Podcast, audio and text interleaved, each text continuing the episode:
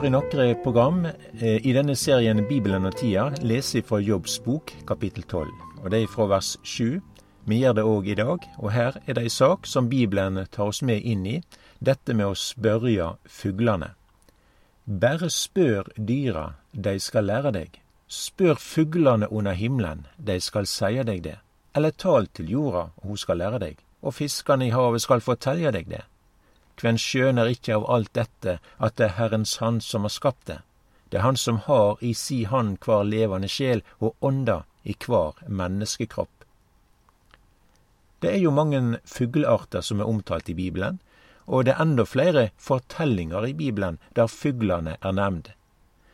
Og dette her er jo alltid noe til å, å lære av, og det er alltid til ettertanke. Og Bibelen er jo den boka som eh, kan leses eh, innenfor eh, forskjellige interessefelt. Eh, er du en matematiker, så kan du ta Bibelen fram og lese om de alle ulike tall som er omtalt. Her er det òg mange farger, dette med naturen, eller er en interessert i mennesker eller dyr eller fugler? Altså, Gud, han har skapt alt og gjort alt, og all Guds gjerning så har Gud knytta sitt vitnesbyrd til og Gud vitner om sønnen sin. Og så tar Bibelen oss med inn i da dette her med å spørja fuglene. Vi kan jo eksempel ta dette her med størken. Den er jo òg en fugleart som er nevnt i Bibelen i forskjellige anledninger. Salme 104, og så her er da ifra vers 16. Herrens tre vert rikelig vatna, Libanons sedrar som han har planta. I dei byggjer fuglane reir, i sypresten har storken sitt hus. Dei høge fjella for fjellgeitene, i bergskortane finn fjellgrevlingen livd. Han gjorde månen til å fastsette tidene, sola veit når ho skal gladar. Du sender mørket, og det vert natt. Då kjem det fram alle dyra i skogen, unge løver brøler etter bytte. De krev si føde av Gud. Ja, sånn er det da å lese i denne her salme 104. Og her er storken omtalt, og de bygger sitt reir i sypresten. Vi kan ta det hebraiske navnet for en stork, og da er lojal eller god. Og, eller begge deler, da. Og det har noe med at storken den er kjent da for sin truskap mot sin make, og kjærlig omsorg for eh, borna i reiret. Og eh, i Israel, der er det jo mykje stork, da, og særlig da i den nordlige delen av landet.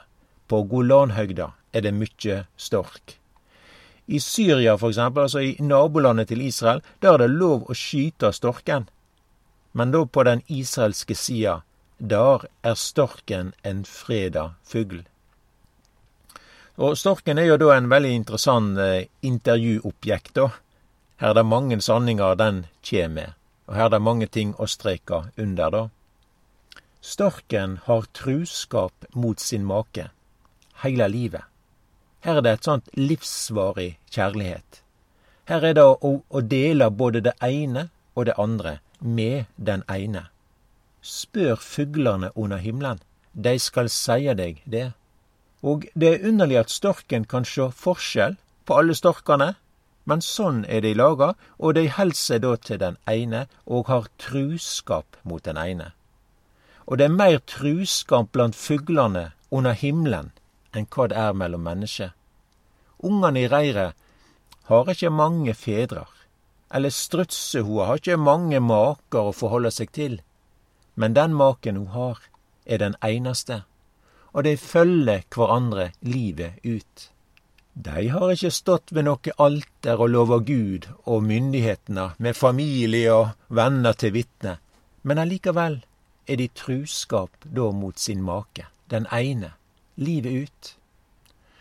Og det er grunn til å spørre fuglene. Her er det jo mange ting eh, i menneskelivet som er blitt ødelagt, nettopp på grunn av at en ikke var tru mot den ene. Det vart brutte relasjoner i forhold til sin ektefelle, også til barna sine. Også mange andre familier vart berørte av det ene utruskapet. Men Bibelen forteller at vi skal ikke bryte ekteskapet. Og her i Hebreabrevet 13 vers 4 Lat alle holde ekteskapet i ære. hold ektesenga usmitta. For Gud skal døme dei som driv hor og bryt ekteskapet. Så Bibelen den er veldig konkret og rett på sak. Og vil en vite meir om dette, eller finne flere eksempel på dette, da, så kan du spørre fuglene. Størken, for eksempel. Den gir oss et godt eksempel. Ting til ettertanke og etterfølgelse. Vi kan jo ta og lese det som Gud skreiv eh, med fingeren sin på steintavlene da til Moses, der i andre Mosebok kapittel 20, og da vers 17. Du skal ikke trå etter huset åt nesten din. Du skal ikke trå etter kona åt nesten din tjeneren eller tjenestekvinnen hans, oksen eller eselet hans, eller noe annet som hører nesten din til. Og det har til alle tider vært nødvendig å seie dette, og i dag. Og samfunnet vårt hadde sett heilt annerledes ut om Bibelen hadde vært det veiledende for livet. Hvor mange ting hadde ikke det vært annerledes eller vært spart for om det ikke hadde vært for dette som vi her leste? Og storken veit det. Storken har ikke så mange evner og tanker og gaver og sånn, det som et menneske har, men allikevel, det å være tru mot den ene, ha omsorg for ungene sine, det gir storken med glans, og da gjør han den til glede for sin make, og maken kan stole og være trygg for at det er disse to livet ut. Sånn er det òg med storken, som en da er omtalt her i Jeremia-boka åtte, også vers sju. Jamvel storken under himmelen kjenner tidene sine, og turtelduer og svaler og traner passer tida når de skal komme. Men folket mitt kjenner ikke Herrens lov. Og det er profeten her som taler da om folket, og det er et stort sukk hjå profeten Jeremias. Og det er folket som ikke kjenner Herrens lov da at en ikke kjenner tidene. Og i denne anledningen så er storken omtalt. Og dette går jo da på mange ting. Det har gjeldt det som har med heimen å gjøre. Det å bygge seg et, en, et reir eller en heim, eller Det er en vei til å holde seg til den ene, være tru mot sin make. Skape den trygghet i reiret blant ungene sine. Og det er jo til trygghet for sin make, og det er til glede for barna sine. Den lar seg ikke påvirke av trender og omstendigheter om de skulle skifte. Den kjenner tidene. Vi har jo også dette her med trekkfuglene. Og eh, de veit når de skal reise sørover, og det der med å reise nordover. Og det handler om det samme. Dette her med å, å ha den samme make som den forholder seg til, kjenner tidene, og, og sjøl om storken ikke går til noe alters og lover Gud og menneske truskap, så forstår da storken dette allikevel. Den har ikke flere maker. Og det er ikke bare at en ikke kjenner at den kjenner tidene, men en kjenner også sin make. Og profeten Jeremias han sukker over da at folket ikke kjenner Herrens lov. Og dette har da noe med fuglene, og Dette har da noe med storken, dette med å kjenne Herrens lov. Og det er å være tru mot sin make, sin ektefelle. Det har noe med Herrens lov. Og det kan se ut som at storken kjenner godt til det som Gud skreiv med fingeren sin på steintavlene til Moses. Den går ikke etter sin andres, altså sin nestes make eller ektefelle, eller andre ting som hører sin neste til. Det er mer truskap blant fuglene under himmelen i dag enn hva det er jo mennesket. Og hvor viktig er det ikke å kjenne Herrens lov, at Herren har skapt mennesket til mann og kvinne. Og Herren veit hvordan dette skal være.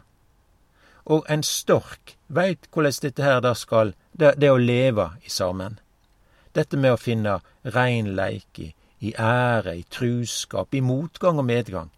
Me ser ikkje en stork av samme kjønn som bygger reir i lag. Det er noe med å spørre fuglane, og dei skal seie deg det. Bibelen det er lykte for min fot, et lys på min sti. Og vi kan òg lese i ordspråket 16 vers 20.: Den som akter på ordet skal finne lukka, og den som lit på Herren, han er sel. Vi tar òg med det som står i ordspråket 6 vers 22. Når du går, skal dei leie deg. Når du ligg, skal dei verne deg. Når du vaknar, skal dei tala til deg. Og på samme måte er det òg med at ordet her, altså Bibelen, det vil være det for den enkelte. Bibelen gir den veiledning, og her er det ei sann veiledning. Det kan du være trygg på, og det er òg noe som gir lukka. Og hvem er det ikke som er interessert i lukka i livet? Ja, så lar du da Bibelen, og la dette lyse, det som Bibelen er, og, og følge det. Det vil være til glede, til velsignelse for deg sjøl og for din make, for din familie. Det er noe òg som har ringvirkninger langt utover det som har med heimen å gjøre, men også din arbeidsplass og nabolaget òg på samme måte, og det landet du bor i, og det vil være til glede for din skaper og frelser, den som lit på Herren, han er sel. Og storken, han kjenner da tidene. Og, og Bibelen sier òg dette med å bygge reir, altså det har med heimen å gjøre og den ramme og den trygghet som da dette her har. Og hva er det med å kjenne tidene? Jo, det har jo noe med å kjenne tidene og, og vite hva tid vi lever i. Og, det, og, og dersom vi lever i ei tid som, som, er farlig, eller ei tid som krever noe mer av oss Vi har jo dette her med arbeidstid osv. Og, og det er noe som forteller at her må vi være vakne, edrue, og her må vi være observante. Vi kan jo òg lese om noen som, dette, som skjøner seg på tidene. Og det går jo litt på det med å kjenne tidene. Det er i første krønikabok, kapittel 12, også vers 32. Av Issakarsborna kom det menn som skjøner seg på tidene. De visste hva Israel hadde å gjøre. Så her var det da noen av Israel. De veit hva som skjer, og de visste hva de har å forholde seg til, hva de måtte gjøre. De forstår seg på tidene, og de veit hva tiltak de skal gjøre. De er som storken, eller kanskje de har spurt fuglene under himmelen. Kjenner vi tidene i dag, og ut ifra det veit hva vi må gjøre? Vi lever i ei endetid, og det er Bibelen som forteller oss dette. Vi kan ta og lese det som står i Hebreerbrevet 1, også her fra vers 1. Etter at Gud i fordums tid mange ganger og på mange måter hadde talt til fedrene gjennom profetene, har han nå i disse siste dager talt til oss gjennom Sønnen. Han har han sett som arving til alle ting. Ved han har han òg skapt verden. Så her lærer vi noe om at det er noe som heter de siste dager. Og det har noe med at som tok til da ved Jesus sitt første komme. Og det står òg her i første Korinterbrev, kapittel 10 av vers 11, men alt dette hendte dei som førebilde, og det er skrevet til formaning for oss, som dei siste tider er komne til. Så her er det da noe å tenke på, og eh, ja, du har jo òg dei som sier da at, at denne verden, den vil alltid være sånn som den er. Men Bibelen omtaler at det er noe som tek slutt. Og vi vart opplyste med at det har med Jesus sitt første komme, altså han kom første gangen, og, og at han skal komme igjen. Og det er det som står òg her i Romerbrevet 9, også vers 28. For sitt ord skal Herren sette i verk, og i hast fullføre på jordet. Dette her har noe med Israel, vi ser nasjonene, vi ser naturen, eller det som skjer blant Guds menighet. Vi har òg dette her med teknologien og dette med kommunikasjon. Vi ser òg at tingene endres raskt. Og det har noe med å kjenne tidene, og vi veit hva vi skal gjøre. Og jeg tror det er viktig å ta Bibelen på alvor, og la Bibelens ord om tidene, trendene, og ellers det som har med omstendighetene å gjøre, at Bibelen får være med, og òg det som har med å orientere oss om Guds frelse, om Jesu komme, dette med å ha vårt blikk vende mot Frelseren, mot Jesus, at ordet får være den kraften inn i vår hverdag og eh, leve sånn som Bibelen forteller.